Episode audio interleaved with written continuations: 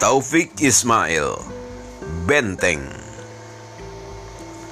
Sesudah siang panas yang meletihkan Sehabis tembakan-tembakan yang tak bisa kita balas Dan kita kembali ke kampus ini berlindung Bersandar dan berbaring Ada yang merenung di lantai bungkus nasi bertebaran dari para dermawan tidak dikenal.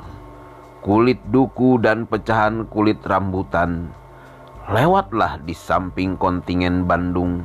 Ada yang berjaket Bogor. Mereka dari mana-mana, semuanya kumal, semuanya tak bicara. Tapi kita tidak akan terpatahkan oleh seribu senjata dari seribu tiran.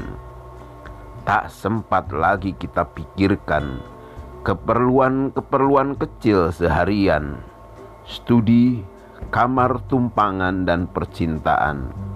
Kita tak tahu apa yang akan terjadi sebentar malam.